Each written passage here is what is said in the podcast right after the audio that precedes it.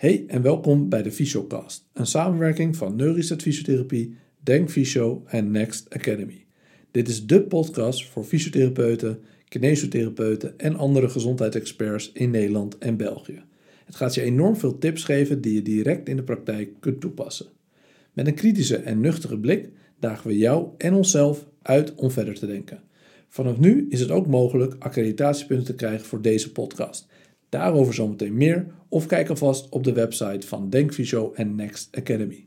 We wensen je heel veel luisterplezier en volg ons ook nog even op Instagram via neureset visio, Denkvisio en Next Academy.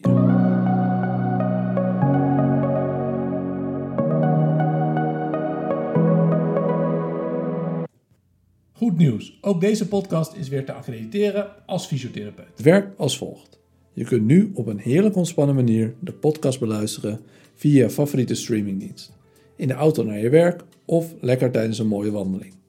De podcast blijft voor iedereen gratis, maar mocht je hem willen accrediteren als fysiotherapeut, dan betaal je de accreditatie. Ideaal toch? Kijk voor de accreditatiemogelijkheden voor deze podcast op de website van Denkfysio en Next Academy. In deze podcast spreken we met Jaap Wonders over de integratie van leefstijl in de fysiopraktijk. We wensen je enorm veel luisterplezier.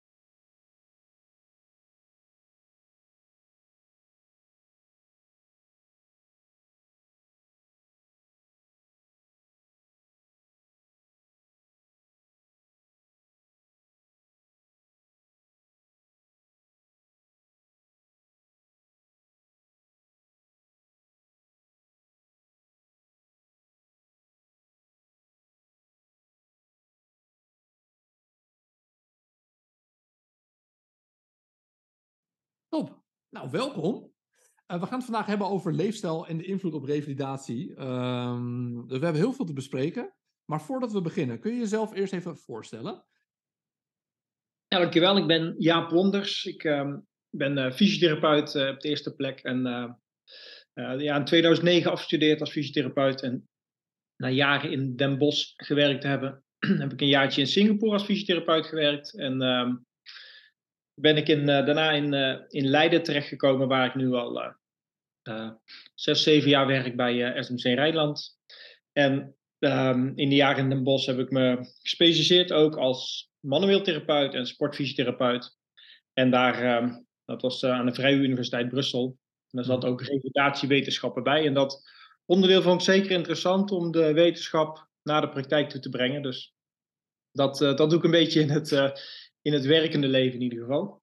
Ja. En uh, ja. En, en in de tussentijd heb je natuurlijk een interesse gecreëerd voor ja, meer de leefstijl ook, zeg maar, op het gebied van fysiotherapie. En waar is die uh, interesse uit voortgekomen? Hoe heb je dat ontwikkeld de afgelopen tijd? Ja, dat zat er eigenlijk al lang in met, met gezondheid natuurlijk en uh, allemaal bezig was. Maar ook um, door collega's in de tijd in Singapore heeft me dat, ehm, ja, is, dat, is dat onderwerp steeds meer gaan leven bij mij. Want zijn we daar veel meer mee bezig? Of zo? Of waarom is het specifiek daar ontstaan? Nou, in Singapore is het uh, is een hele andere manier van werken. Zijn veel mensen, mensen meer holistisch. Denken ze ook meer holistisch. Mm -hmm. um, hebben bijvoorbeeld altijd een uur behandeltijd.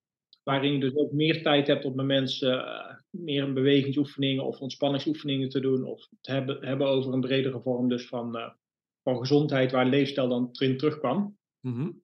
En de voeding is daar ook anders dan dat het hier is. Dus ja. natuurlijk zijn er ook, ook uh, negatieve dingen te, te, noemen vanuit dat land. Dat uh, hoge werkdruk en uh, meer stress en prestatie. Ja. Slaap minder goed inderdaad. Ja, dus. maar goed, um, ik vertelde wel regelmatig aan, aan patiënten en, en tussen, de, tussen de regels door wat hè, dat leefstijl belangrijk is. En dan vroeg ik inderdaad uit of, of Um, zowel gezond aten of goed slapen, sliepen of dat stress een rol speelde. Maar vervolgens deed ik daar dan niet zo heel veel mee. En dat, ben ik, dat wilde ik veranderen. Mhm. En ik wilde wel gewoon fysiotherapeut blijven en mensen behandelen. Dus ik wilde het echt in de praktijk erin brengen. En zodoende ben ik eerst. Uh, uh, nou, ik, ik heb in ieder geval de opleiding tot leefstijlcoach daarin gevolgd. Oké. Om de basis te leggen. Alleen dat uh, ja, voldeed voor mij niet helemaal. Wel, wel de inhoud, maar niet wat je er volgens mee kan. Want ik wilde me niet afscheiden en als coach aan de slag gaan of als GLI-interventiecoach gaan doen. Mm Dus um, heb ik bedacht om de leefstijltherapie um, uh, onderscheid uh, erin te maken. Mhm. Dus ik kan even toelichten. Als je de leefstijlcoach hebt, dan, dan kan iedereen in principe, die kan mensen coachen op leefstijl. En dan heb je therapeuten, fysiotherapeuten of ergotherapeuten of diëtisten of wat dan ook. Die kunnen eigenlijk mensen met klachten ook beter helpen als, als leefstijl daarbij een rol speelt in het herstel. Of in de oor, ja, in, als oorzaak, of als herstel of herstelbelemmerende factor. Mhm. Of als herstelbevorderende factor, dus als leefstijl als interventie inzetten. En dan heb je daarboven eigenlijk nog de leefstijlartsen. Die um, um, vanuit um, Vereniging Arts en Leefstijl en zo. En er zijn genoeg artsen die daarin onderzoek doen naar leefstijl, maar ook in, in hun consult leefstijl benoemen en dan naar de juiste personen door zouden moeten sturen. Oké. En ik zie daar nu in de praktijk eigenlijk een soort van dat alles door elkaar gaat, dat de artsen ook coach zijn. Omdat dat het enige mogelijk was, zeg maar. Ze konden alleen coach worden, leefstijl. Dus daar is nu wel verandering in, dat er leefstijl artsen zijn. Leefstijl geneeskunde een ding is. Alleen leefstijl geneeskunde, ja, dat, daar pas je dingen uit toe, maar dat is ook niet wat je in de fysiotherapie doet. Daar ben je niet, niet, niet, niet op die manier mee bezig. Dus het wordt eigenlijk steeds meer gekaderd ook. Ja, ik vind het heel tof als iemand uh, komt met, een, uh, met chronische pijn of met een uh, hamstringblessure of in een revalidatie van een kruisband of wat dan ook. Dat, daar, um, dat je daar de factoren in herkent die het herstel kunnen beïnvloeden. Ja. Positief of negatief. En als dat leefstijlfactoren zijn, dan moeten we die dus ook mee kunnen nemen als behandelplan. Dus dat is wat ik, ehm, ja. wat ik daarin doe en beoog. Ja, want de meeste fysiotherapeuten weten denk ik wel dat leefstijl een enorme invloed heeft. Uh, maar vervolgens uh, ja, is het daar iets mee doen is natuurlijk wel wat lastiger. Uh, daar willen we het vandaag natuurlijk ook over hebben. Um, maar als we even bij het begin beginnen, hoe definieer jij leefstijl? Wat is, wat is leefstijl? Nou, ik heb een, een, boek, boek geschreven over leefstijl. Alledaags wonderlijk leven. En daarin um, zijn eigenlijk alle hoofdstukken die daarin beschreven staan, vallen onder het leefstijl. Dus wat we denk ik allemaal kennen is uh, uh, leefstijlfactoren. Ik heb de Bravo-factoren bijvoorbeeld, bewegen, roken, alcohol, voeding, ontspanning. Mm -hmm. Nou, tel daar slaap bij op. En dan heb je al veel van de factoren die, uh, um, die vallen onder de leefstijl. Ik zie het wel, nog wel wat breder dan dat. Um, leefstijl is in die zin een manier van leven. Mm -hmm. En dan kun je in een continuum zitten van ongezonde leefstijl tot een gezonde of zeer gezonde leefstijl en alles wat ertussenin valt. En uh, binnen dat continuum kun je dus bewegen van, uh, van meer naar gezond naar meer naar ongezond. En de diverse factoren spelen daar waarbij een rol. Als je gezonde leefstijl ben je, ben je vitaal, ben je veerkrachtig. Dan um, um, is je, is je um, ja, zelfherstellend vermogen ook goed. En dan zul je niet zo lang een blessure hebben of snel weer, als je een blessure hebt, snel ervan herstellen. Als je de juiste dingen doet. Maar vaak zien we het daar fout gaan. Dan gaan, hebben mensen natuurlijk langdurige klachten of klachten komen terug. En in veel van die gevallen is dan leefstijl uh, wel een factor in, het, uh, in de belemmering van het herstel. Mm -hmm. Bij mensen die niet goed herstellen of chronische klachten krijgen of peesblessures krijgen die lang, lang, langer blijven dan dat je eigenlijk zou verwachten. Ja, die eigenlijk heel erg gekoppeld zijn aan een slechte belastbaarheid. Ja, inderdaad. Ja. Ja. Maar als je, als je nou bedenkt wat is leefstijl, kun je, kun je ook kijken naar de factoren vanuit de positieve gezondheid. En dan zie je dat er meer is dan lichaamsfuncties uh, en, en algemeen dagelijks functioneren. Er ook sociale factoren belangrijk zijn, dat uh, kwaliteit van leven, Ja. geluk bijvoorbeeld, geluksniveau, dat dat een belangrijk punt is. Zingeving, uh, Ja, zingeving, mentale, eh, ja, mentale functie. Autonomie, dat je ook een eh, ja, vrije keuzes kan maken en dat soort dingen. Dat je, eigenlijk je psychologische staat bijna, of niet? Ja, inderdaad, ja. ja. Ja, oké. En, en, ja, zodoende, kijk, in mijn boek schrijf ik ook over natuur. Ja, dus je leefstijl, als je in die, op die continu in een gezonde leefstijl zit, dan zie je het liefste uh, vaak in de natuur, want die omgeving is het beste voor ons. Ja. En niet, uh, uh, niet in een kamertje met TL-buizen en achter, een, achter een scherm op een stoel. Dat is niet het beste leefomgeving voor ons. Dus dat valt voor mij ook onder leefstijl. Ja. En de positieve psychologie, de mindset, maar ook je houding. Niet alleen fysieke houding, wat we als fysiotherapeut natuurlijk wel interessant -huh. vinden. Ook je levenshouding, autonomie, wat je zegt, ja, stress, maar ook eustress, dus positieve stressoren. Ja, um, okay. ja. Um, en, en als je dan kijkt naar hoe je, um, hoe je leeft en, uh, en, en, wat er gebeurt op dit moment, dan kun je naar kijken natuurlijk wat is er in het verleden gebeurd. En dat bepaalt ook je gezondheid en dus je leefstijl op dit moment. En uh, kun je toebewegen naar hoe word je nou zo gezond en oud mogelijk, zeg maar. Ja. ja hoe, hoe word je gezond 100 plus? Hoofdstuk in mijn boek Gezond 100 plus schrijf dus de lessen uit de blauwe zones, onder ja. andere ook uh, wetenschap die erachter zit. En, daar, en, uh, en, een beetje geluk met je genen. Dat lijkt ook wel belangrijk. Ja, en dan heb je de epigenetica. Precies, ja. Maar goed, daar gaan we het allemaal zo over hebben. Um, als we, want we, we, willen het vooral vandaag hebben over de invloed van leefstijl uh, en die het heeft op de revalidatie van musculoskeletale klachten. Uh, maar zie jij überhaupt dat leefstijl nu wordt geïmplementeerd door fysiotherapeuten in de praktijk? Of vind jij dat nog veel te weinig? Nee, nog te weinig. Kijk, binnen leefstijltherapie, ik, ik, ik, en een aantal collega's passen dat toe. En vanuit de scholingen die ik geef, probeer ik dat ook mee te geven aan, uh, aan collega's. Mm -hmm. Dat als therapeuten echt goed leefstijl kunnen inzetten als interventie. En um, dan, dan heb ik eigenlijk vier pijlers. Dus de beweging, dat is voeding, dat is slaap en dat is psychosociaal. En onder psychosociaal valt dus heel veel. Stress ook? Ja, stress. Okay. Negatieve stress, positieve stress, uh, mindset, zingeving, uh, uh, sociale factoren, sociale steun. Dus er valt, valt veel onder en dat is wel veel, ja, ook soms heel grote factoren, veel bepalend. Mm -hmm. voor, voor klachten, voor herstel, voor gezondheid. En voor geluk uiteindelijk ook. Want ja, misschien moeten we ook wel verder kijken dan is die patiënt, is, beweegt die schouder weer goed, maar kan die patiënt ermee doen wat hij wil en is die patiënt ook, hè, is die geen patiënt meer en is die weer gelukkig en gezond Mhm. en voor langere, voor langere tijd. Dus, maar goed, ehm, dat is meestal geen eh, hoofddoel van ons om, eh, om mensen in die zin gelukkiger te maken, maar onderliggend zit dat er wel in. In. Maar even terug op je vraag, als, of fysiotherapeuten dat toepassen. Ik denk de, het aspect beweging voor een groot deel. Maar ook, ook nog niet voldoende, want ehm, ehm, ik denk dat we heel goed bezig zijn met eh, bewegingen en oefeningen. Maar mensen nou echt ehm, aanzetten tot nog meer bewegen, nog meer gezond beweeggedrag. Dat, eh, dat, dat doen we nog niet altijd even goed, denk ik. Mhm. Soms zijn we te veel bezig. Nou, we zijn, zijn vaak natuurlijk gericht op de klacht, het probleem waar iemand mee komt. Ja.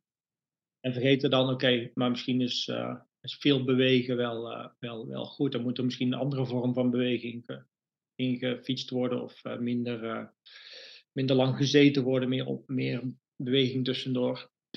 Dus ik denk dat dat voor een groot deel wel gedekt wordt. Voeding, daar doen heel weinig fysiotherapeuten Ja. iets mee.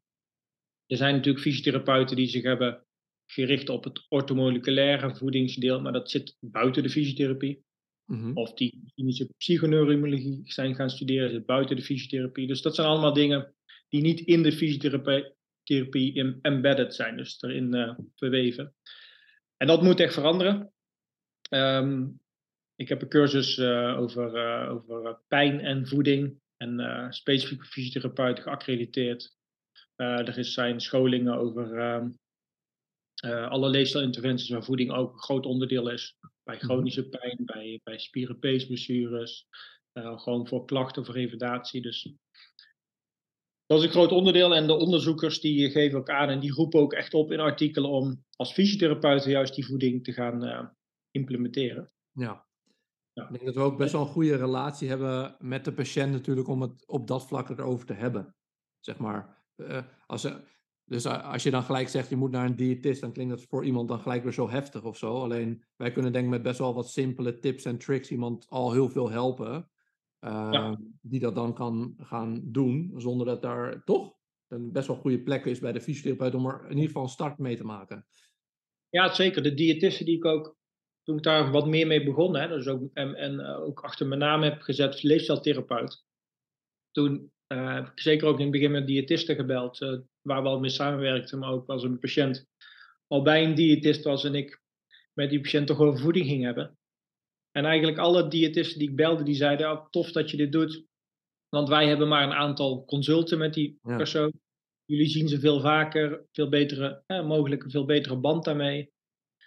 En de mensen die nog geen, die, die nog niet bij een diëtist zijn, of daar ook misschien ook niet naartoe willen, um, is maar de vraag of ze die, of ze die aanpak van de diëtiek uh, bij ze past. Ja.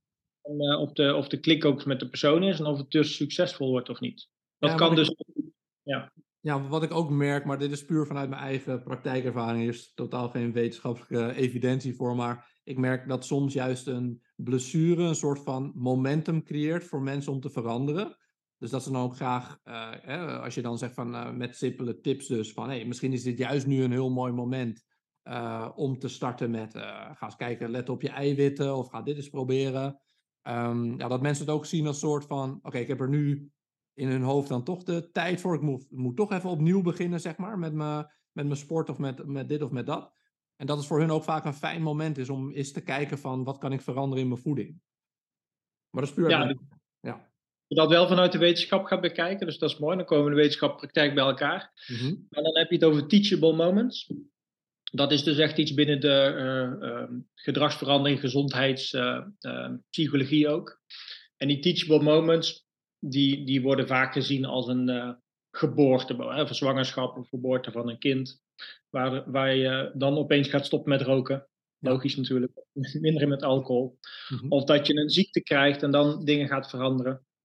En je krijgt kanker en gaat dan opeens wel je hele voedingspatroon omgooien. Maar ik, ik trek dat verder naar de fysiotherapie. En ik denk dat wij heel vaak mensen hebben die dan die besturen echt een, een teachable moment kan zijn om inderdaad te veranderen op, op vlakken in de leefstijl. Ja. En bijvoorbeeld op, de, op het gebied van voeding. En zeker als je dus uit kan leggen wat de relatie is, wat de rol is van welke leefstijlfactor dan ook tot, tot, tot die klachten en hoe dat het herstel kan beïnvloeden, dan, uh, dan heb je echt dat mensen uh, daarin de verandering willen maken en kunnen maken en dat ook vol gaan houden. Ja, want dat vind ik wel en, goed, hè? Want, want jij zegt van uh, als je dat duidelijk kan krijgen aan je patiënt, maar als je het heel concreet en misschien zelfs wetenschappelijk, kun je dan zeggen, oké, okay, hoeveel procent heeft leefstijl dan invloed op wondgenezing of op herstel of op de kans dat je blessures creëert? Heb je daar bepaalde statistische uh, gegevens voor? Ja, kijk, dat is lastig te zeggen omdat het per individu anders is. Mm -hmm.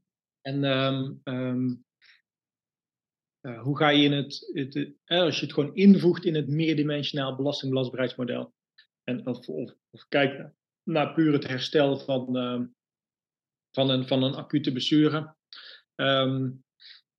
dan zijn zoveel factoren. En de ene, de ene factor kan zwaarder wegen dan de andere factor. Stel je hebt veel stress en je slaapt niet goed en je voeding is ook niet goed en je beweegt te weinig.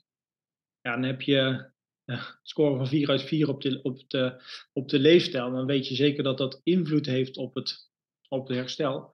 Maar je weet niet wat, het, wat de grootste invloed heeft. Je kunt dat niet, um, nee. kunt dat niet direct eruit halen of, of, of meten of statistisch uh, hard maken, zeg maar.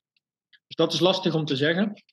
En um, het kan zelfs zo zijn dat een bepaalde zingeving voor mensen het punt is waardoor ze, hè, waardoor ze ziek zijn of klachten krijgen en, eh, en, uh, um, en, en, niet goed herstellen. Maar het kan ook zijn dat het uh, simpeler is en dat ze net te weinig eiwitten krijgen waardoor die spieren niet opgebouwd kunnen worden. Ja, precies. Of overvallen bewegen. Maar je hebt je hebt gewoon wat meer tools om mensen te behandelen als je die factoren er goed in mee gaat nemen. Ja, want ik kan me best wel voorstellen, zeg maar, voor een uh, patiënt, als jij, uh, nou noem eens een uh, een peesblessure of een scheur, ik weet niet, ik gewoon een blessure heb. En je komt bij een fysio, dan verwacht je waarschijnlijk de standaard fysiotherapeutische dingen. Um, maar hoe zorg jij dan zeg maar, dat je een soort buy-in hebt bij je patiënt uh, om het daarover te gaan hebben? Snap je wat ik bedoel? Dat, dat dan niet die patiënt denkt van, ja oké, okay, maar ik wil gewoon hier een beetje dat jij mijn spier losmaakt en dan ga ik weer naar huis. En dan heb jij het hier over dat ik 2 gram per kilo lichaamsgewicht eiwitten moet eten. Hoe zorg jij, wat, wat is jouw verhaal naar de patiënt? Om heel simpel uit te leggen hoe groot leefstijl voor, van invloed is. Ik liep daar dus ook tegenaan. Dat, um, um, dat ik dat soort dingen wel vertelde, maar dus tussen neus en lippen door en niet echt prioriteit aan gaf. Um, doordat ik mij zelf heb neergezet dus als, als, als uh, therapeut binnen een leefstijltherapeut. Mm -hmm. of, dan, of, of je zet een leefstijlcoach bij of leefstijltherapeut.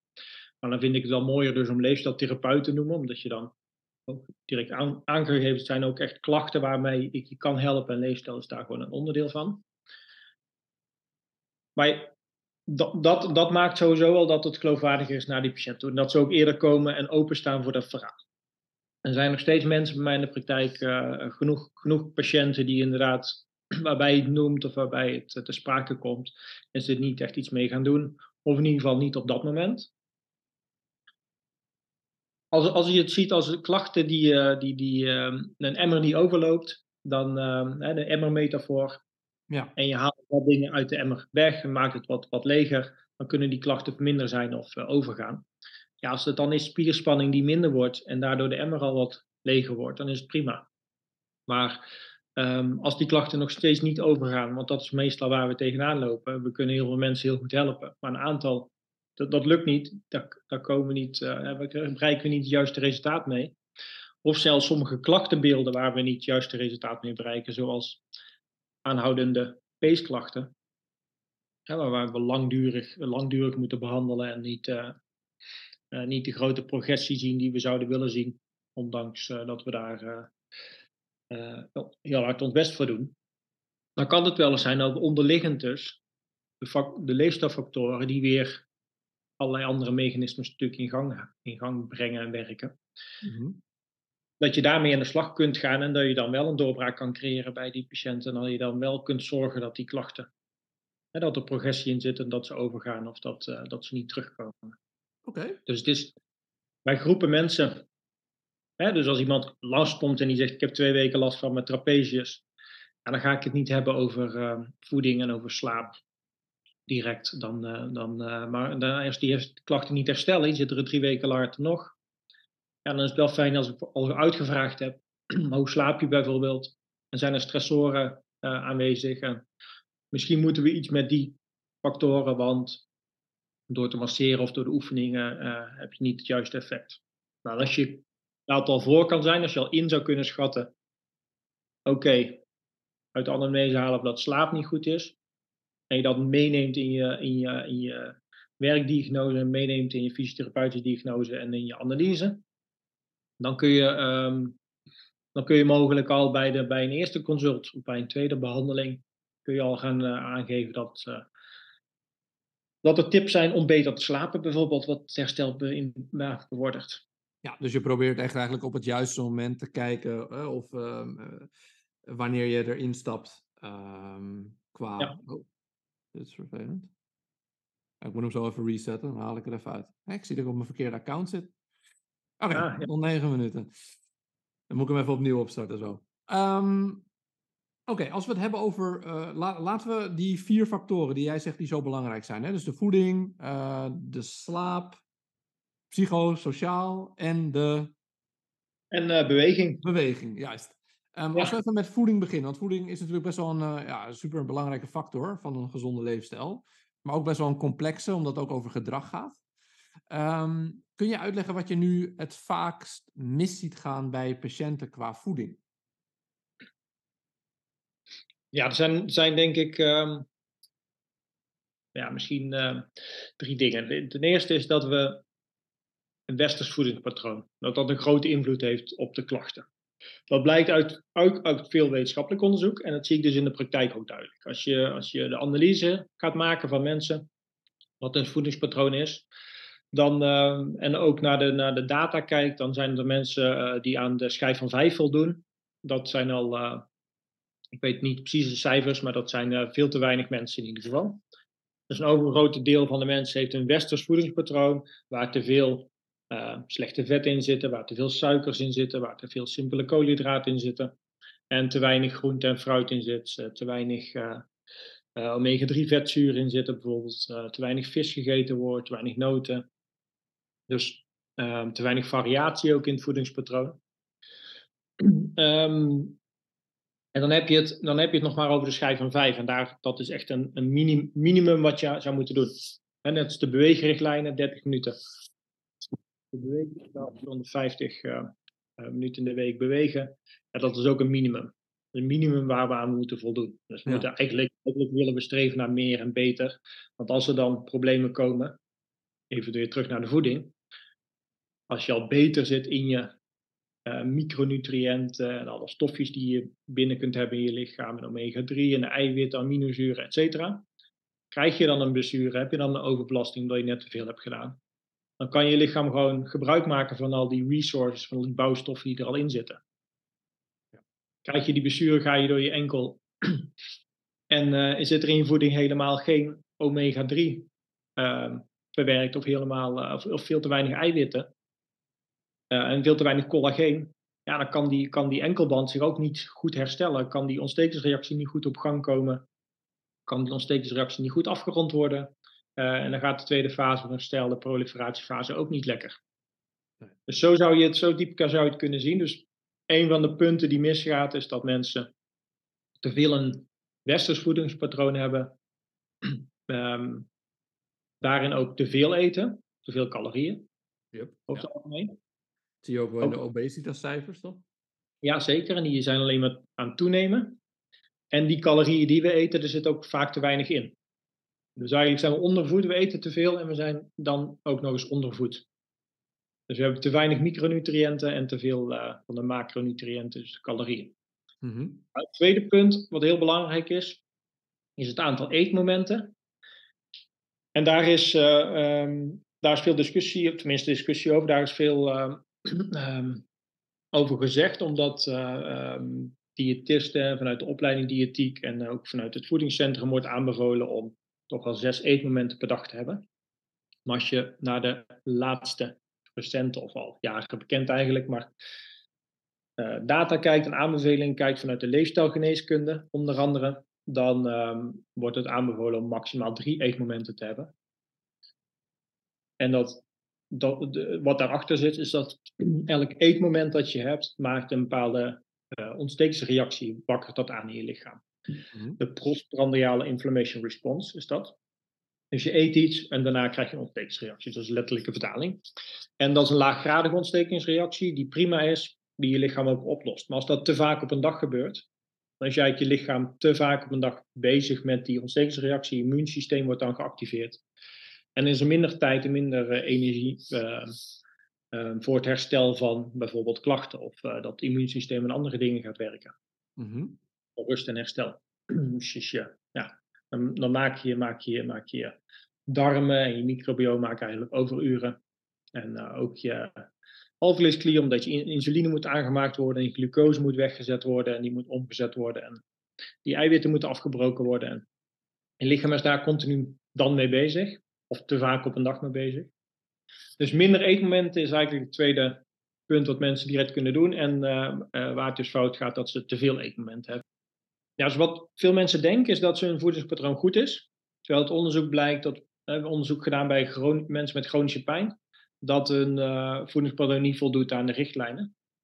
En ze denken ook daarnaast dat het geen invloed heeft op hun klachten. Dus dat is dan meteen een soort bias wat mensen hebben, dat ze ja, denken dat de invloed niet zo groot is en dat ze eigenlijk wel gezond eten. Dat die mhm. verhoudingen goed zijn. Um, er worden te veel simpele koolhydraten, te veel suikers gegeten. Dus daarin kun je al aanpassingen maken. Als je nou een, een typisch Nederlandse, een Nederlandse voedingspatroon kijkt voor een dag, dan uh, kan dat zomaar beginnen met boterham in de ochtend. Um, met, uh, met iets erbij, of vlees of kaas is, of, uh, of hagelslag of pindakaas. Maar dat zijn eigenlijk te veel koolhydraten, al te veel suikers. bij elkaar. Als je dan smiddags ook weer die boterhammen eet, en dan heb je al twee keer heb je minder variatie gedurende de dag al, dan heb je al nog steeds voornamelijk boterhammen, weinig eiwitten die erin zitten, weinig gezonde vetten. Mhm. Ehm, en als s'avonds uh, de rijst of de pasta of de aardappelen neemt voor het grootste deel van je bord, ja, dan zit je dus veel te veel in die, in die simpele koolhydraten. Terwijl er veel meer op de markt is en veel meer veranderd is. Dus daarin zou je al een verandering kunnen maken bij mensen. En laten we dan even een praktisch voorbeeld gaan, uh, gaan geven. Stel, je hebt dat geanalyseerd bij iemand. Dan kijk je puur naar wat eet iemand. En die zegt inderdaad twee brood, broodmaaltijden. Tussendoor een, uh, een stukje fruit en een, uh, een, een, en een snack, een, um, een tussendoortje. Koekjes of zo. En dan uh, s'avonds die aardappelen met uh, vlees en groenten. Dan zou je dus kunnen beginnen, eerste stap te nemen, is om de ochtend bijvoorbeeld een eetwissel te doen. En kijken wat iemand dan anders zou kunnen invullen. Nou, misschien komt mensen zelf wel met het idee om dan uh, yoghurt te gaan nemen met muesli en wat fruit. Of en met noten erbij. Of dat iemand zegt, ga havermout nemen. Of neem eens een bak een omelet met, met groenten. Dus dan heb je al meer variatie en dan zit je al hoger in de eiwit en wordt de verdeling al iets beter. Mm-hmm. Ik denk dat je er zo het beste mee om kan gaan, in plaats van calorieën tellen of uh, percentages berekenen. Okay. Als je de topsporter hebt, de wielrenner. Ja, dan moet het helemaal je, perfect afgesteld zijn natuurlijk. Ja, wil je al die percentages hebben en alle calorieën, maar niet voor de patiënten die wij vaak zien. Nee. Dan, uh, dan, dan doe ik dat eigenlijk dus ook zelf nooit. Nee, wat ik uh, zelf uh, doe in de praktijk, en ik heb geen idee of dat een goede manier is, maar ik merk soms als je uitlegt, hè, dus dat het uh, lichaam een relatief x aantal eiwitten per kilo lichaamsgewicht nodig heeft. En dat dus heel veel mensen in Nederland daar totaal niet aan komen. en als ik daar dan vaak over vertel, dan zeggen mensen, oh, dan wil ik daar wel eens naar gaan kijken of ik dat een keer hè, kan halen. Hè. Dus, um, en dan zie je al dat mensen natuurlijk automatisch al meer naar de eiwitten moeten switchen en dan dus maaltijden moeten gaan veranderen. Um, dus dan zeg ik van, nou ja, minimaal 0,7 gram per kilo lichaamsgeno- uh, uh, lichaamsgewicht nodig. Um, en dan zijn ze vaak wel heel erg geïnteresseerd in ja, daar meer over te weten en dan om een keer samen uit te rekenen hoeveel dat dan is. En dan ja, dat ze iets bewuster gaan kijken, oh, hoeveel eiwitten zitten er dan eigenlijk in die producten. Um, dus dat is soms ook voor mij een manier om er iets mee te doen als start. Weet niet of jij dat een goede manier vindt. Of... Ja, ik zeker, zeker een goede manier. Dan uh, heb je inderdaad al een, uh, een, mooie start, een mooie stappen met mensen ermee in de slag te gaan. En hoop je dat dat een vervolg krijgt ook naar de andere factoren die ook belangrijk zijn. Ja, en eiwitten. Ja, eiwitinname is natuurlijk voor herstel belangrijk. Voor uh, eiwitsynthese, voor collageensynthese. Ja.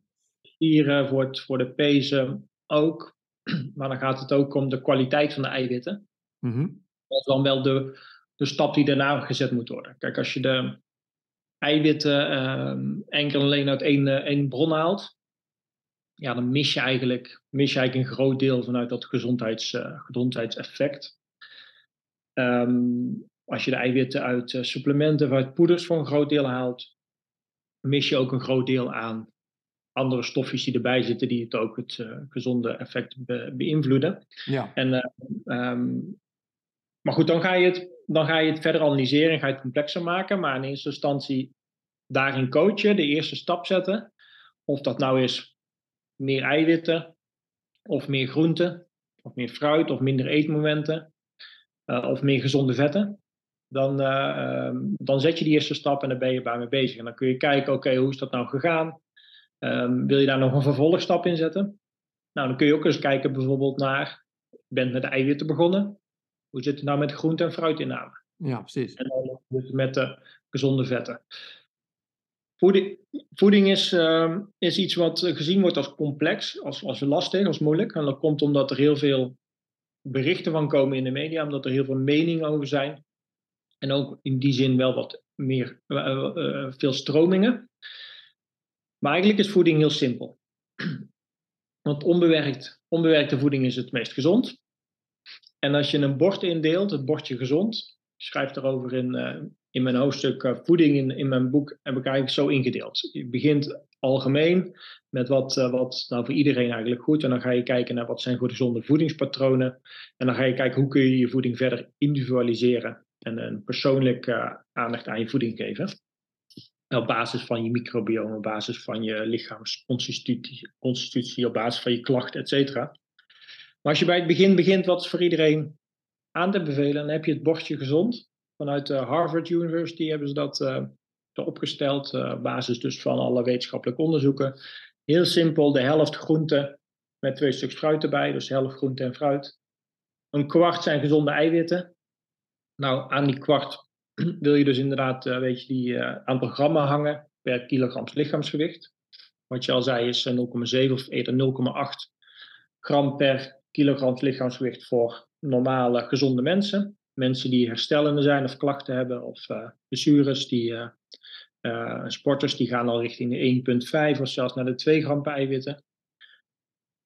En dan het, derde vakje van, die, ehm, van het bordje gezondheid, dus de helft groente en fruit, een kwart gezonde eiwitten, is een kwart gezonde.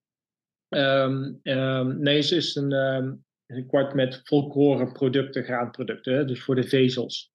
En als je daar de focus legt op die onbewerkte granen, dus de volkoren granen, um, en de zilvervliesrijst, en uh, dan, uh, dan zit je in wezen in, uh, in de meer complexe koolhydraten, die niet zo snel voor die suikerpiek zorgen, um, die de insulinelevels beter houden. en dat, dat is eigenlijk wat je wil hebben. En dan wil je daarnaast in die gezonde eiwitten ook gezonde vetten hebben. Ja. Bij de omega-3 ten opzichte van omega-6 een hele belangrijke factor is. Noten, vis, dat soort dingen. Ja, dus inderdaad, vette vis voornamelijk. Noten inderdaad. Uh, inderdaad en uh, um, in avocado zit het ook aan. Maar dat zijn de belangrijkste twee bronnen inderdaad voor die omega-3. Ja. En uh, ja, zeewier eigenlijk, maar dat eten we niet zoveel natuurlijk. Dat snap ik. Niet zo lekker.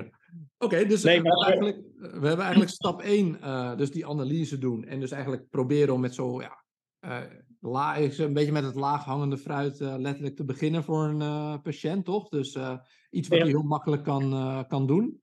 Um, en dan de eetfrequentie. En dan zei je volgens mij, er is ook nog een derde, toch? Of heb ik dat, de drie...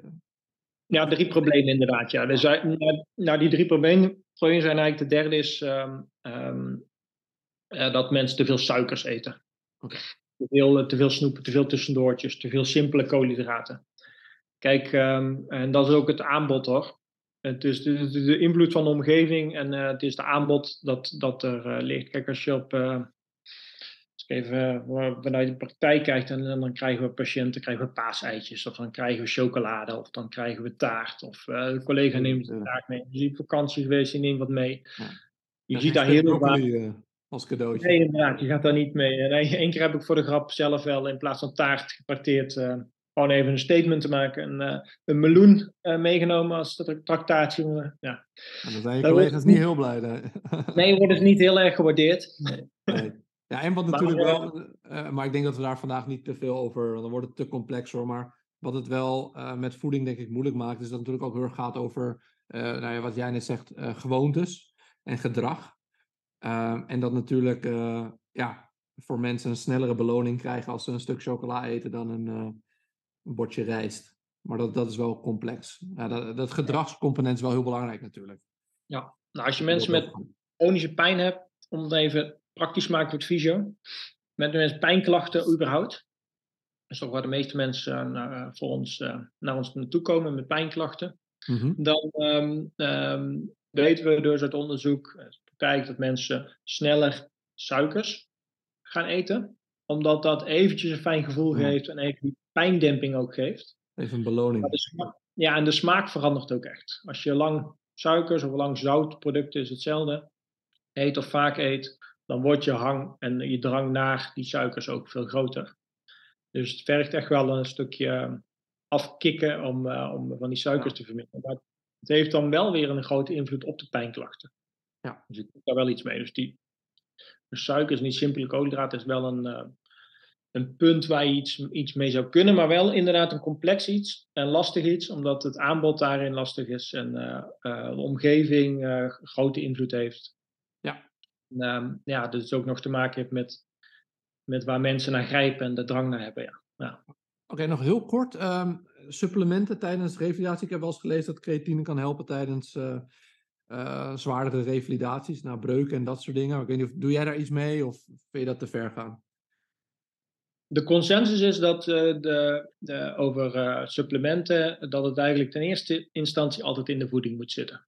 Oké, okay, maar creatine heeft wel, ja. echt, wel een van de best onderzochte supplementen die wel echt een nut kan hebben. Of vind je dat niet? Ja, maar dan nog, de e-, eerste aanbeveling moet zijn, ga, ga je gezond eten, eet voldoende variatie in eiwitten. Mm -hmm. Bijvoorbeeld, maar ook in groente en fruit voor de fytonutriënten en micronutriënten en uh, alles wat daar uh, verder in zit. En de gezonde vetten. Um, en dan heb je een aantal supplementen die zeker goed onderzocht zijn. Creatine is daar een voorbeeld van. Maar um, um, als je vegetarisch bent, dan heb je vitamine B12 nodig. Bijna iedereen heeft vitamine D nodig voor een optimale gezondheidsstatus. Bijna iedereen heeft omega-3 extra nodig voor een optimale gezondheidsstatus. Dat zijn gewoon factoren die je aan kunt vullen, die je erbij kunt, uh, erbij kunt doen. Um, het nadeel is, als je, als je de focus hebt op supplementen, is dat je vergeet ja. om gezond te eten. En het nadeel is ook, het, het is maar de vraag hoe, hoe neemt je het lichaam het op. Ja, mensen gaan er ook te veel op hangen. Hè? Als ze dan denken, oh ja, maar ik neem nu toch supplementen, dan hoef ik de rest allemaal niet meer te doen. Ja, inderdaad. Dus dat is, dat is ook weer een, een, een lastige. Uh, met de eiwitsupplementen, de shakes en de, en de poeders en dat soort zaken. Ook die inname zorgt weer, kan zorgen voor, uh, uh, voor die laaggradige ontstekingen. Ja. Um, um, er zijn eigenlijk zijn ook genoeg nadelen voor te noemen, die, die misschien wel sterker wegen dan de grote voordelen daar op wat dat betreft. Oké, okay, duidelijk, duidelijk. Um, als we dan hebben over jouw tweede factor, de beweging. Waar kunnen we dan mensen in ja, stimuleren, zeg maar, op leefstijl in de praktijk? Hoe doe jij dat? nou, ik weet niet of ja. bekend bent met um, het acroniem uh, Peace and Law. Zo'n ja. uh, artikel dat een keer gekomen is. En uh, acute injuries need, simply need being enough. Ja, uh, dus de, de ICE-regels en de price. Maar de tweede, tweede de law, staat voor loading, staat voor optimisme, staat voor vascularisatie en voor exercise. Nou, die exercise, daar hoef ik denk ik de fysiotherapeuten uh, Nederland niks over te vertellen. Een groot deel zit daar gewoon op en exercise is medicine en dat is belangrijk. Beweging. Beweging heeft een grote invloed op, uh, op heel veel factoren. Dus niet alleen op spieren en op, op belastbaarheid, mm-hmm. op organen en op je hersenen en uh, via allerlei myokines, dus op hormoonachtige stofjes, heeft dat gewoon een grote invloed. Goed, als we dan kijken naar die uh, loading, dus belasten van weefsel, dat is hartstikke belangrijk. Ik denk dat we dat ook wel, ook wel zien in die vascularisatie door bloeding, dat we dat ook weten. Dus hoe meer we mensen gevarieerd kunnen laten bewegen, hoe beter het is. En um, hoe minder we in die zin een langdurige periode stilzitten, hoe beter het ook is. Mm-hmm. En daarin, um, daar is nog, denk ik nog wel wat winst te halen. Dat we um, mensen gewoon continu blijven, blijven benoemen aan mensen dat ze, hè, dat ze moeten afwisselen van houding en uh, de volgende houding de beste is. En in beweging moeten zijn. En een veel, gemaakte fout, denk ik, wat ik ook wel vaak hoor, is, is als je dan een bestuur hebt, je hou maar even rust. Ja, dat denk ik ook, ja. Ja, en dan gaan die mensen rusten en dan gaan die niks doen. Een sporter die van het veld afkomt en, en een uh, hamstringblessure heeft, um, die niet kan sporten, die moet je dus eigenlijk zeggen, ga iets anders doen. Ja, wat je wel kunt. Andere bewegingsvorm die je wel kunt. Dus. dus. Er is altijd wel iets te doen voor de meeste mensen. Dus nooit niks doen is ja. niet altijd. Dan kom je ook in een soort visuele cirkel natuurlijk van, uh, zelfs in een negatieve spiraal van een steeds slechter wordende belastbaarheid. Ja, juist ja. ja. ja. Dan wetende dat bewegen ook gewoon invloed heeft op je slaap. Dat uh, bewegen invloed heeft op wat je eet. Hè, dus als je meer beweegt, maak je gezondere keuzes op uh, voedingsgebied. Um, en andersom werkt het ook zo trouwens. En dat dus heeft ook een enorme invloed op stress. Hè? Dus je, het is een soort uh, natuurlijke stressreductor natuurlijk. Ja, juist. Ja. ja. Maar het werkt altijd twee kanten op. Dus als je veel stress hebt, dan ga je s'avonds eerder op de bank liggen.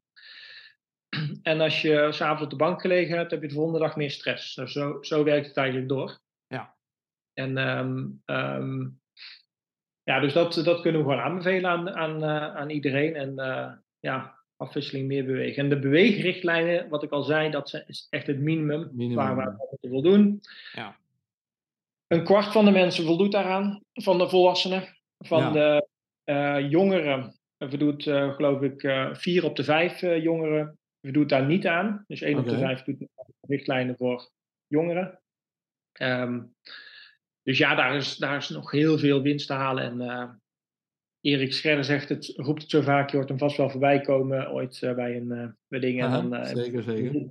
ja, we zitten in een, een, een, een, van pandemie. En die pandemie is sedentariteit. Dus we zitten te veel, bewegen te weinig. Ja. ja, ik denk En ook als je, als, je, als je de gemiddelde fysio, fysiotherapie-patiënt ziet, is bewegingsarmoede een groter probleem dan eh, bewegingsoverbelasting. Ja, inderdaad. In de meeste praktijk eh, het gemiddelde zeker weten. Is ja. bewegingsarmoede gewoon het grootste probleem. En ehm, ja, oké. Eh, Zelfs, zelfs dat is wel leuk om te, te benoemen nog. Zelfs bij sporters. mhm. Hè, sporters die zijn gezond, neem, denk je dan, of hoog niveau sporten. Maar onderzoek wijst uit dat, dat ehm, sporters meer tijd zittend doorbrengen dan niet Ah. sporten. Ja, ze hebben wel hoge piekmomenten, maar voor de rest doen ze niks, bedoel je? Juist, juist. En dat Ja. kan dus ook weer leiden tot eh, meer laaggradige ontsteking, eh insulineresistentie. Juist omdat je veel zit en weinig die beweging gewoon Ja. opzoekt. Ik zag ook laatst een eh, wetenschappelijk artikel, maar ik ben altijd heel slecht in citeren, dus ik zal hem even toevoegen in eh, de handout. Maar dan zag je zeg maar de relatie tussen het aantal stappen wat mensen zetten en hun gezondheid. Oh en dat er dan, volgens mij wordt 7000 dan als het bare minimum volgens mij gebruikt. En dat je dus ook mensen hun levenskwaliteit ziet, ehm, dat die beter is als mensen zeg maar gemiddeld gewoon meer stappen elke dag zetten. Ehm, Dus dat die 7000, dat wordt echt al, denk ik, door bijna eh, al heel weinig door mijn patiënten gehaald. Dat is al best wel eh, eh, wat hoger. Maar ja, inderdaad, als je 10.000 stappen per dag, dat halen echt weinig mensen.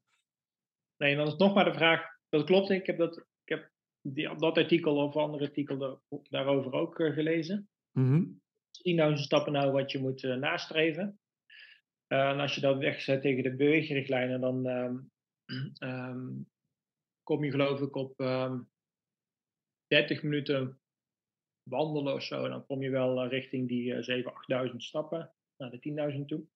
Dus dan kan je het halen.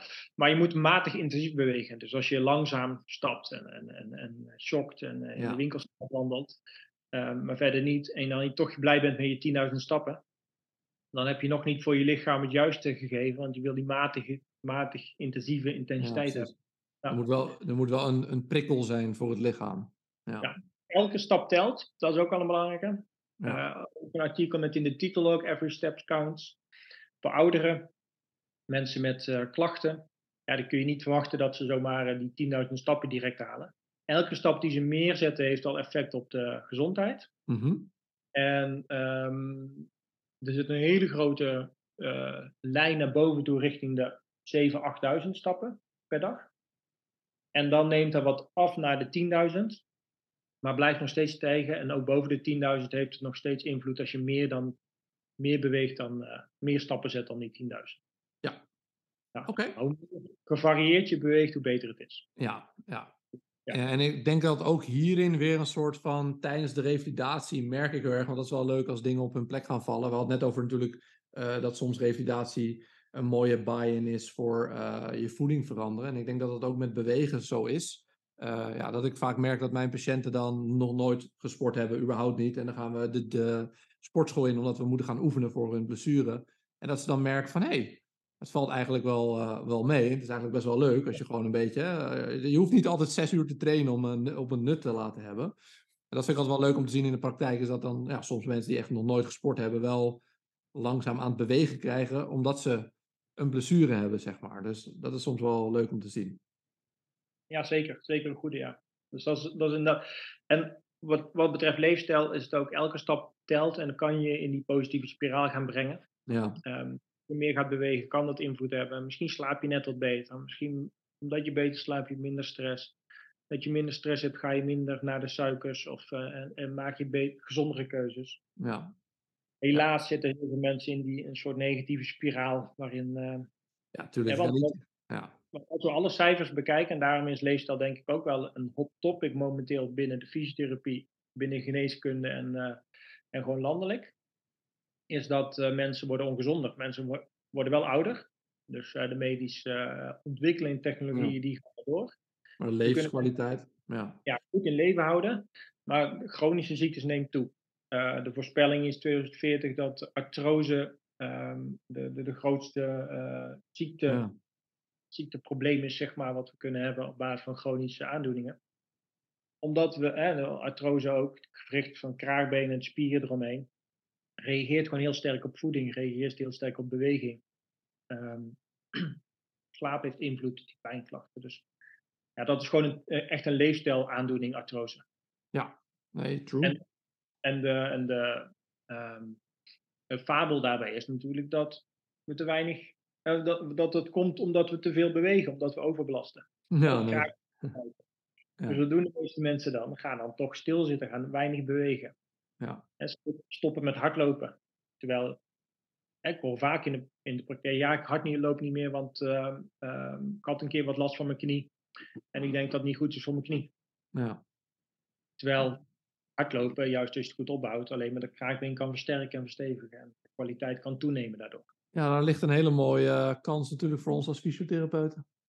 Ja, dus dat is leuk. Dat is leuk. En, uh, juist ook om het op die manier te zien. Ja. En uh, uh, hoe ik het zelf ook zie, is dat als je mensen in de praktijk krijgt, als je nu iemand krijgt met peesklachten bijvoorbeeld, of met spierklachten, um, even van een overbelastingblessure of een blessure wat niet goed herstelt, of chronische pijnblessure, dan kan dat zijn in het gehele gezondheidsspectrum, dat, dat, het, dat het de eerste uiting is van het lichaam dat er problemen zijn. Ja.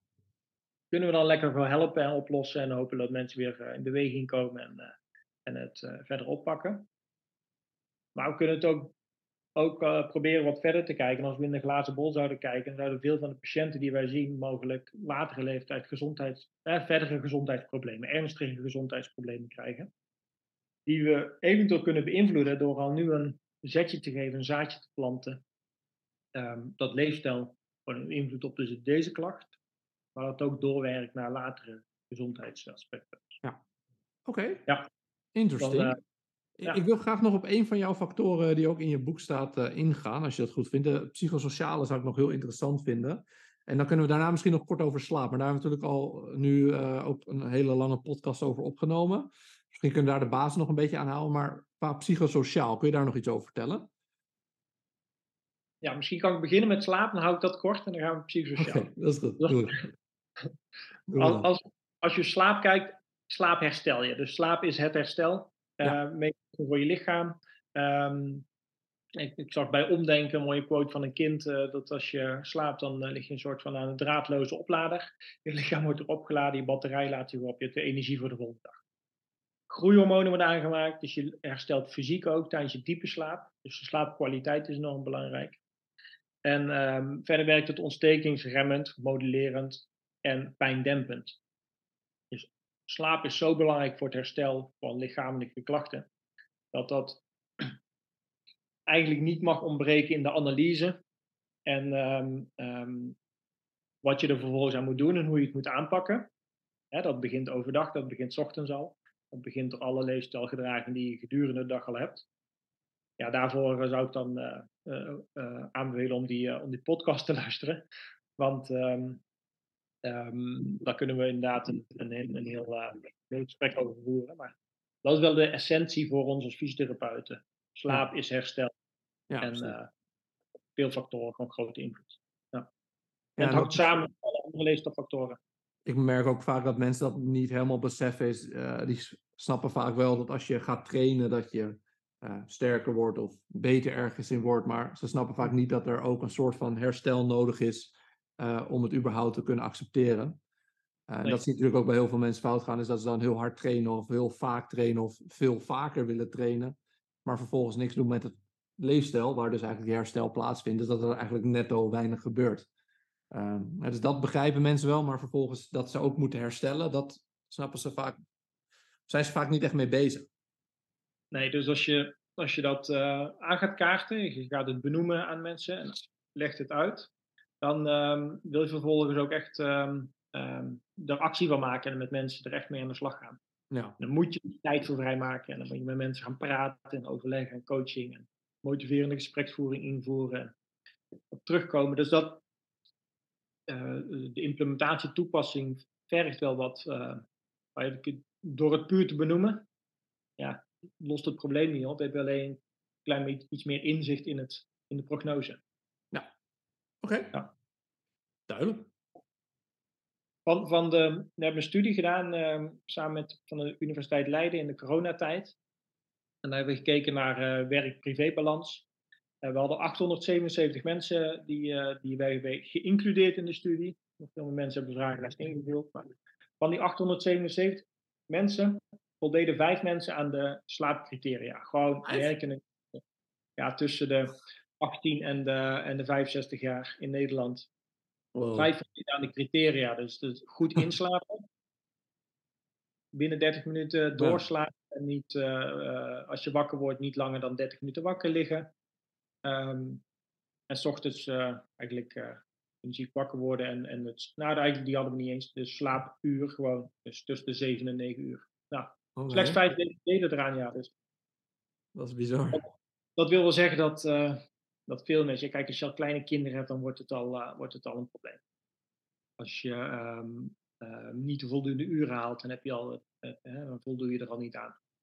Als je langer wakker wordt omdat je stress hebt. Nou, je ziet wel dat in deze maatschappij, in de huidige samenleving, maar en alles wat, we, wat mogelijk is met tv en computers en blauw licht en stress, en te weinig bewegings, bewegingsarmoede en ongezond eten, dat, ja, dat heeft zo'n grote impact op onze slaap. Ja, we redden het wel overdag, zeg maar, totdat, totdat we het niet meer redden en dan krijgen we klachten. Ja, en ik denk ook dat veel mensen. Kijk, het, is, het lichaam kan denk ik heel veel aan. Um, dus ik denk dat als je leefstijl. Ik, ik ben zelf, vind ik me relatief gezond. Ik doe veel met mijn gezondheid. Um, dus als ik nu een paar nachten heel slecht zou slapen. Dan zou ik me niet top voelen, maar dan zou het niet zoveel impact hebben. Maar het gaat natuurlijk vaak om dat mensen dan. En ze roken, en ze slapen dan slecht. En ze hebben veel stress. En ze eten niet goed. Dat je dan ook een soort van vliegwil krijgt van ja, dan komen de problemen om. Hè? Dus als een van die factoren even wat minder is, dan is het niet zo'n ramp. Ik ga ook wel eens op vakantie en dan vreet ik me ook helemaal vol. Um, maar het gaat meer om de totaliteit. En dat beseffen mensen denk ik vaak niet.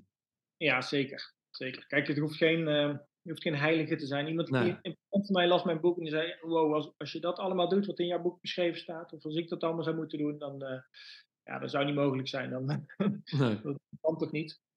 Nou, veel van wat in mijn boek, maar laat ik zeggen 90%, dat, uh, dat doe ik ook zelf uh, goed. Um, als je de 80-20% regel aanhoudt, doe gewoon 80% gezonde dingen en ja. af en toe die 20% um, laat je het gaan of laat je het vieren uh, omdat, je, omdat je met andere mensen bent. Of een omgeving waar het niet anders kan, wat dan ook. Nou, dan is het Kijk, absoluut geen ramp. De onderzoeken zeggen natuurlijk, als je één nacht slaap uh, uh, verstoord is, heeft het al, heeft het al een groter risico op Alzheimer, mm -hmm. dementie voor latere leeftijd. Dus het risico wordt daarmee toegenomen. Maar ik denk dat je lichaam zeker ook in staat is om te compenseren. Op, klap, op, klappen op te vangen. Maar dat gaat ook hoe gezond ben je al. Ja, en hoe krachtig ben je, hoe vitaal ben je. En, uh, en hoe, een basis, ja. Ja, inderdaad, ja. ja. Oké, als we nog over, de, over die psychosociale factoren hebben, kun je daar nog iets over vertellen?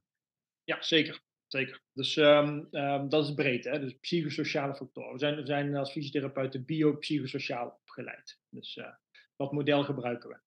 Dus we weten dat het invloed heeft. Ik denk dat heel veel mensen ook uh, stress als, uh, als grootste bron zien binnen het biopsychosociale model. Um, maar denk bijvoorbeeld ook aan uh, bewegingsangst, kinesiofobie, catastroferen, passieve coping, dat soort zaken. De gele vlaggen, die kunnen we benoemen, die kunnen we herkennen. En die kunnen we nemen, in de analyse en de prognose en dan ook daarvoor coachen waar nodig. Ook daarin um, eh, denk dat we nog wel eens een beetje nog wel eens onderschatten hoe groot die factor is. Hoe groot de rol is van stressoren. En dat kunnen dus ook sociale stressoren zijn en te weinig sociale steun. Uh, hoe, hoe groot invloed dat heeft op pijnklachten en op herstel. Als je daar namelijk meer aandacht aan gaat besteden, dan zie je dat uh, dat, dat bij, ja, ik kan het niet percentage noemen, maar bij heel veel mensen in de praktijk gewoon meespeelt in het verhaal. Dat toch die pijnklachten komen weer opzetten of die herstellen niet goed genoeg. Omdat het toch een stress, stress, bron van stress onder ligt. En ehm, bewust dan wel onbewust ook. Hè? Want het kan zijn dat de werkdruk gewoon zo hoog is dat mensen het nog niet eens doorhebben. Maar het lichaam aangeeft, je moet even rustig aan doen. En dan blijkt dat, oké, ik zit toch te veel in mijn hoofd, er zit toch te veel, uh, te veel spanningen. En uh, um, ben, ben de laatste tijd inderdaad wat meer uh, wat depressiever of ik wat negatiever of wat dan ook. Dat uitzicht gewoon in het lichaam. Um, ik denk dat we daar, daar geen twijfel meer over bestaat. En um, hoe zie, ja, waarom, waarom zie ik dat toch ook als een leefstijlfactor? Omdat dat je kwaliteit van leven beïnvloedt, je geluksniveau beïnvloedt, beïnvloedt je lichaamsfuncties, uh, uh, je dagelijks functioneren, je, mentale welbevinden. Dus eigenlijk al die factoren van de positieve gezondheid die, die beïnvloeden. Die wordt beïnvloed door psychosociale factoren. En we kunnen dat ook omdraaien en dat vind ik wel een mooie manier. En dat is focus op of kijken naar positieve stressoren, dus eustress. Dus als wij zo'n gesprek voeren, moeten we allebei een beetje stress hebben. Dus dat is goed. Dat inkaderen en daarna zorgen voor herstel, dan is het alleen maar gezond voor je lichaam. Dan is het alleen maar positief voor je lichaam. Uh, er zijn meerdere eust, uh, eustressfactoren, positieve stressoren die we op kunnen zoeken. Denk aan krachttraining, denk aan sporten. Mm -hmm. Denk aan koude, hè, koud, koud douchen of uh, koude baden of dat soort dingen. Dat zijn gewoon dingen voor je lichaam waardoor je even uit de comfortzone gehaald wordt. Ja. En je lichaam gaat zich aanpassen en adapteren, adapteren daaraan en, uh, en wordt gezonder. Um, maar dat moet je, moet, dat is wel zaak om dat met mensen te bespreken, dat er factoren zijn dat stress niet goed is. Dus stress, zelfs een, uh, stress kun je zien als uh, bondgenoot.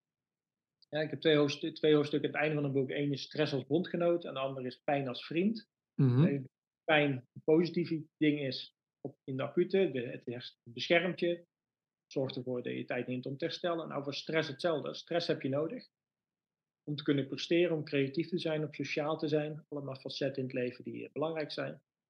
Um, maar als stress te lang, langdurig aanwezig is, of je bevindt je in een onveilige omgeving, een omgeving waar je niet je gemak of voelt, dan kan stress naar boven komen en voor allerlei lichaamsprocessen zorgen die, uh, die herstel in de weg staan.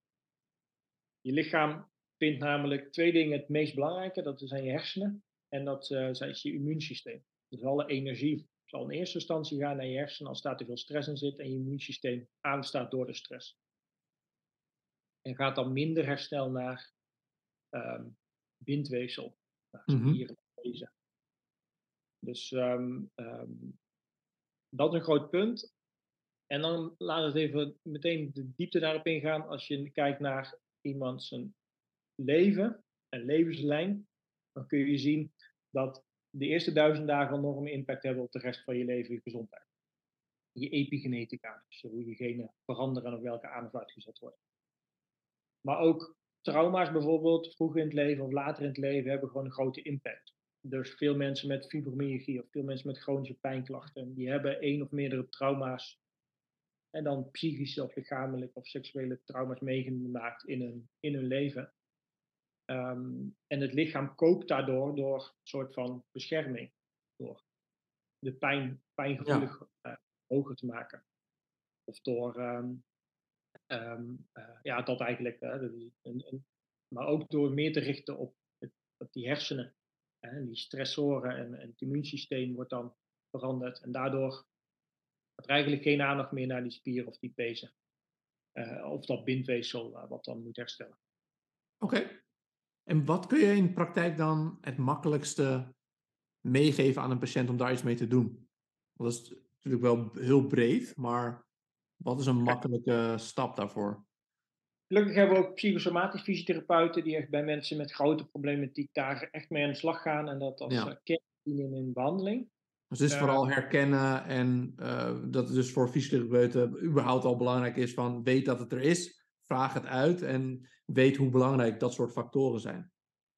Nou, daar begint het mee inderdaad, ja. ja. En dan tweede, tweede stap is benoemen. En, en vraag eigenlijk ook aan de, aan de patiënt of je daar iets, die daar iets mee wil. Want je kunt wel hebben geanalyseerd dat stress een groot probleem is. Maar als de patiënt er op dit moment niks meer wil of niks meer kan, ja, dan, moet je het, dan moet je het daar laten liggen en kijken of je met andere, andere facetten mensen kan helpen. Mhm. Of misschien wel zegt, kom over een tijdje terug als die... Uh, Wat lager is, ja. Inderdaad. Ik behandel nu een dame met, uh, uh, met elleboogklachten, tenniselleboog, condylogia lateralis. meerdere behandelvormen al geprobeerd, maar meerdere therapeuten geweest. Nou, komt bij mij, eigenlijk waarom herstelt het niet goed genoeg? Zijn er stressoren in je leven op dit moment die, die een grote rol spelen? Ja, ja dus, want haar vader moet naar het ziekenhuis vanwege bestraling. Zij moet mee, ze is enig kind en de moeder durft niet mee. Dus het geeft haar een hele is een grote stressor. Ja, die, die valt nu niet weg, want die bestralingen die gaan, nog, die gaan nog een aantal weken door. Dus dat heeft gewoon invloed op het herstellen op, het, op je behandelplan, vind ik. Ja, zeker. dan kun je dus niet verwachten dat je met shockwave of, of oefeningen, dat hoop je natuurlijk wel. Maar de verwachting moet je ietsje inperken wat betreft het herstel. Ja, dat het niet zomaar in één keer bam, nee. En soms kun je wel een stuk uit die emmer eh, leeghalen en, en herstelt het wel. Dus dan, dat is mooi natuurlijk. Maar wat, wat ga je meegeven? Ten eerste uh, analyseren en navragen. Ten tweede is uh, benoemen en, en vragen of ze er iets mee willen. En dan derde is ga je, ga je er interventies op toepassen. En dat kan zijn, dat kan zijn ontspanningsoefeningen, ademhalingsoefeningen. Dat kan zijn mindfulness. Bijvoorbeeld onderzoek, recent onderzoek heeft laten zien dat pijneducatie grote invloed heeft op de, op de pijnklachten. maar dat mindfulness interventie uh, hoeft nog niet eens zo heel lang te zijn. Dat dat nog een grotere invloed heeft zelfs. Oké. Um, dus dat gaat over pijnklachten. Ja, als stress in de weg staat van herstel, en vaak gaat dat gepaard met minder goed slapen ook, dan zal, zal er iets gedaan moeten worden wat voor die persoon werkt om de stress te managen. Ja. En in mijn boek heb ik 17 manieren ge, ge, opgeschreven om stress te managen. Je kunt niet zeggen, ga voor elke patiënt hetzelfde. Maar ja, nee, precies. Wat, wat werkt voor jou? Of dat is um, um, naar muziek luisteren, of sporten, of met vrienden iets doen. Ja. Hangt ook van je persoonlijkheid af. Ben je een introvert, ben je een extrovert? Uh, ben je, ben je, True. Uh, ja, er zijn zoveel manieren natuurlijk. Ja. Maar ik denk dat het wel mooi is van uh, wat we nu uh, hebben besproken, is zeg maar ja, dat we wel een heel mooi start, um, mooie start hebben zeg maar, als fysiotherapeut om iemand er bewuster naar te laten kijken en soms ook een heel mooi moment kunnen creëren om überhaupt te gaan beginnen. En ja. ja dat je daar vanuit daar eigenlijk met ja, steeds meer factoren erbij kan betrekken. Ja, dat is super interessant, man. Ja, we hebben echt enorm veel besproken. Ja, um, dus, er is ook echt een shift gaan in de, in de fysiotherapie, merk. Want twee, drie jaar geleden was het zo, oké, okay, mogen we wel als fysiotherapeut die voeding, moeten we dat niet aan de diëtist overlaten? Moeten we wel eens slapen? Inmiddels zegt de meerderheid toch wel, nee, dat, dat, dat, hoort, gewoon, dat hoort gewoon ook bij fysiotherapie. Ja. Het is een herstelbelemmerende factor wat je aan kunt pakken en kunt inzetten als herstelbevorderende factor. En daar ga ik me de komende tijd nog, uh, nog meer uitdragen en hard voor maken. Maar Leuk. ik zie wel dat dat steeds meer gewoon binnen de, binnen de vergoedingsstructuur, binnen de fysiotherapie gewoon mag en moet en past. Ja. En, Ja, alleen, ja, verdiep jezelf en, en zorg ervoor dat je kennis en kunde hebt om dat ook toe te passen. Nee, nee, het is mooi zo. We hebben, we hebben veel besproken, alle factoren zijn aan bod gekomen. Ja, en, eh, de- deze, ehm, de- deze podcast en deze, deze e-learning die erbij zit, die, eh, die zet hopelijk mensen gewoon aan om daar verder over na te denken, om verder in te verdiepen. Ja, dat denk ik zeker, man. Dat denk ik zeker. Top, man. Leuk. Dankjewel.